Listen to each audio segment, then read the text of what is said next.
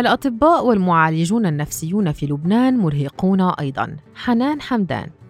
بعد انفجار مرفأ بيروت في الرابع من آب أغسطس 2020 ذلك الحدث الذي أيقظ فينا أزماتنا المتراكمة لجأت إلى طبيب نفسي لأنني لم أعد قادرة على احتمال ما يجري حولي وأثره علي. وفي آخر زيارة قمت بها له استغربت لحيته الطويلة وتعابير وجهه وحتى مظهره النحيل. يمكن في شيء مزعله. قلت بيني وبين نفسي. ومضيت ولم أكترث للأمر كثيرا. قبل أيام أخبرني أحد الأصدقاء أن طبيبه النفسي الذي يزوره باستمرار بات يحتاج إلى تلقي العلاج. هذه ليست مسحة سمجة أو جملة نطقت دون تفكير. يقول أثناء مراجعتي الدورية لطبيبي شاهدته مرهقا وكان كلما حدثته عن مشاعري السلبية يقول لي إننا نمر بظروف صعبة في لبنان وإن ما أعيشه طبيعي وكلنا نختبر المشاعر السلبية. لم أفكر سابقا بأن الأطباء والأخصائيين النفسيين قد يصابون بالداء الذي يداوون مرضاهم منه. لطالما اعتبرت أنهم ملجأنا في وقت الانكسارات والانهزامات ومن حالات اكتئابنا وقلقنا وأسوأ مراحل حياتنا بينما هم يبقون آمنين محصنين. صديقتي صفاء التي تتلقى بدورها علاجا نفسيا من ضغوط باتت ترهقها منذ أكثر من عام وباتت مهتمة جدا بعالم العلاج النفسي أخبرتني أن من يعملون في عالم الصحة النفسية يتلقون كما هائلا من حكاياتنا وأحزاننا وأزماتنا ومشاعرنا السلبية التي تفاقمت جدا منذ عامين وحتى اليوم ولا أحد يعلم إلى متى يصمدون. هم أيضا في وضع لا يحسدون عليه قالت لي. أخبرتني عن كتاب ربما عليك أن تكلم أحدا الذي تقارب فيه الكاتبة الأمريكية لوري جوتليب وهي معالجة نفسية أيضا مسألة كونها معالجة نفسية ومريضة في آن. خلاصة الكتاب أن نفس الأسئلة التي يطرحها مرضاها عليها تطرحها هي على معالجها وتبحث عن إجابات لها. لا ينفصل الأطباء والمعالجون النفسيون عما يعيشه اللبنانيون. هم جزء من مجتمع متضرر بكامله ويناضل من أجل البقاء والاستمرار والنجاة. تقول الأخصائية النفسية لما أمهز لرصيف 22 في النهاية نحن بشر نتأثر ويلحق بنا الأذى النفسي. وفي أوقات كثيرة نحتاج إلى دعم نفسي. أكيد تأثرت بكورونا وبالانهيار الاقتصادي. تروي مضيفة. مثلي مثل أي مواطن في البلد تضررت نفسيا وصحيا واحتجت إلى دعم نفسي وزرت طبيبي المختص وتتابع. نحن أكثر من أي شخص آخر نحتاج بين فترة وأخرى إلى زيارة معالج. فما بالك بالحال في ظل كل الأزمات التي نعيشها في لبنان راهنا؟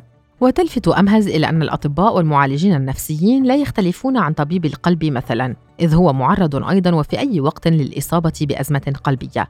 ولكن ماذا عن الطبيب الذي يلجأ إليه الأطباء والمعالجون النفسيون؟ تجيب أمهز. من نلجأ إليه كأطباء ومعالجين وأخصائيين هو بدوره يلجأ إلى أشخاص آخرين للحصول على الدعم النفسي. مع تفشي فيروس كورونا ووقوع انفجار مرفأ بيروت وقبلها بداية كابوس الانهيار الاقتصادي الذي ما زال يخيم على الناس تفاقمت معاناة اللبنانيين. تسبب ذلك بارتفاع أعداد المرضى الذين يقصدون عيادات الطب النفسي ويطلبون الدعم النفسي. تؤكد مديرة التواصل والإعلام في جمعية إمبريس هبة دندشلي لرصيف 22 أن عدد الأفراد الذين يطلبون الدعم النفسي من الجمعية زاد خلال العامين الأخيرين. بحسب أرقام الجمعية التي تنشط لجعل الصحة النفسية والحصول على الرعاية النفسية اللازمة حقا للجميع قفز عدد الاتصالات التي تتلقاها من نحو 2200 اتصال عام 2019 إلى 6100 عام 2020 ومن ثم إلى 10000 اتصال عام 2021 وتقدم الجمعية الدعم النفسي لكل من يتواصل معها هاتفيا عبر خط الحياة 1564 وهو الخط الوطني الساخن للدعم النفسي والوقاية من الانتحار وأنشئ بالشراكة مع وزارة الصحة. تتعدد الحالات التي تطلب المساعدة توضح دندشلي لكن غالبيتها تعاني من اضطراب ما بعد الصدمة وتشعر بالقلق والإحباط والخوف. والعديد العديد من الأشخاص يميلون إلى إنهاء حياتهم عن طريق الانتحار. تشير دندشلي إلى أن أكثر أسباب التأزم التي يصرح بها المتصلون هي الوضع الاقتصادي والاجتماعي المأزوم وجائحة كورونا وانفجار مرفأ بيروت من جهة. أمام هذا الواقع رفعت الجمعية ساعات تلقي الاتصالات من 14 ساعة يوميا في 2019 إلى 21 ساعة في عام 2021 وتلفت دندشلي إلى أن الخط سيستقبل بدءا من أواخر آذار مارس المقبل اتصالات 24 على 24 باتت زيارة الأطباء والمعالجين النفسيين في عياداتهم مكلفة جدا وخارجة عن متناول الأغلبية. حتى أبناء الطبقة الوسطى في لبنان ما زاد من طلبات الدعم النفسي المجانية. وقد يتطلب حجز موعد لدى أحد المعالجين انتظار مدة أربعة أشهر بسبب انخفاض كلفة الجلسة لديه مقارنة مع غيره. وتقول دندشلي نخسر اليوم بفعل الهجرة أعدادا كبيرة من المتطوعين والأطباء النفسيين في وقت ازدادت فيه طلبات المساعدة النفسية. يؤكد نقيب مستوردي الأدوية في لبنان كريم جبارة لرصيف 22 أن أدوية الأمراض النفسية توضع في خانة أدوية الأمراض المزمنة ويشير إلى أنه لا يمكن تحديد زيادة حالات العلاج النفسي أم لا من خلال كمية الأدوية المستوردة. وذلك ليس لأنها لم ترتفع بل لأن كمية الأدوية التي تستورد هي أقل من السنوات التي سبقت الأزمة الاقتصادية. ويضيف وفق الإحصاءات الأدوية التي تصل إلى صيدليات للأمراض المزمنة كالقلب والدم هي تقريبا 50% مما كانت عليه قبل الأزمة أي عام 2019 يبدأ نائب رئيس المجلس العالمي للعلاج النفسي في فيينا وممثل المشرق العربي في المجلس البروفيسور عباس مكي حديثه لرصيف 22 بتوضيح أن الأزمات في لبنان متنوعة هي اقتصادية اجتماعية مؤسساتية سياسية وأخيرا نفسية. ويضيف عادة يتأثر الفرد نفسيا نتيجة غياب البيئة الملائمة لعيش حياة كريمة. والطبيب أو المعالج النفسي هما كأي فرد يتأثران بكل ما يدور حولهما. يشير مكي إلى أن المشكلات النفسية تبدأ بالتراكم داخل الفرد منذ صغره فهو يتنقل في مؤسسات مختلفة ويمر بظروف تتسبب له بأوجاع نفسية. فما بالك بوضعه راهنا وهو يعيش كل هذه الأزمات والظروف في لبنان لو كان حجرا لتكسر. عن وضع الأطباء في ظل الأزمة يفيد بأن لدى الطبيب أو المعالج النفسي القدرة على أن يسيطر على وجعه كي يتمكن من إيجاد حلول للناس. ويتابع أنه كلما تمكن الطبيب والمعالج النفسي من أن يكون متينا داخليا فإنه حتما لن يؤثر على مرضاه لكن كيف؟ يجيب مكي عليه أن ينظف أزماته المتراكمة داخليا ويعاين نفسه طبيا ونفسيا ولا سيما وقت الأزمات وأن يجري صيانة دائما لنفسه وينصح مكي بأن يشارك الأطباء والمعالجون باستمرار في مؤتمرات وندوات وأن يلجأوا إلى من هو أكثر خبرة منهم وعلى اطلاع ومعرفة بملفهم من وقت لآخر معتبرا أن هذا الأمر ضروري وملزم في المهنة.